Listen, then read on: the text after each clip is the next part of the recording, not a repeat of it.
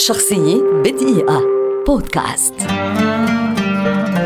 أمين الريحاني مفكر أديب روائي مؤرخ رحالة ورسام كاريكاتير لبناني يعد من أكابر دعاة الإصلاح الاجتماعي وعمالقة الفكر في أواخر القرن التاسع عشر وأوائل القرن العشرين في الوطن العربي ويلقب بفيلسوف الإفريقي نسبة لبلدته التي ولد فيها عام 1876 في صيف 1888 سافر إلى الولايات المتحدة الأمريكية وفي العام 1897 التحق بمعهد الحقوق في جامعة نيويورك واستمر فيه سنة قبل أن يعود إلى لبنان عام 1898 مدرسا للإنجليزية وبدأ في كتابة المقالات في جريدة الإصلاح.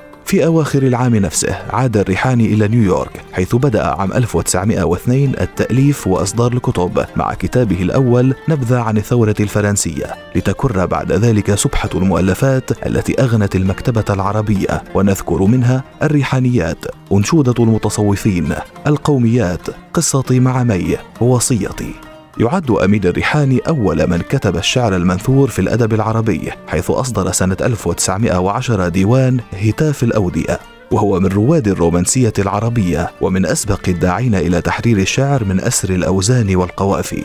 عام 1922 بدأ رحلته للبلاد العربية التي قابل خلالها أهم وأبرز الشخصيات العربية وقتها كشريف مكة الحسين بن علي وسلطان قبائل حاشد والإمام يحيى إمام اليمن وعبد العزيز آل سعود الذي قدم إليه سيفه الخاص.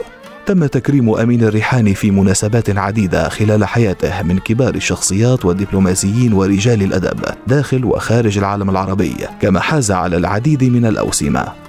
رحل أمين الريحاني عام 1940 وقد أقيم له تمثال نصب في باحة كلية الآداب في الجامعة اللبنانية كما تم إنشاء متحف يجمع كل ما يتعلق بتراثه. شخصية بدقيقة. بودكاست.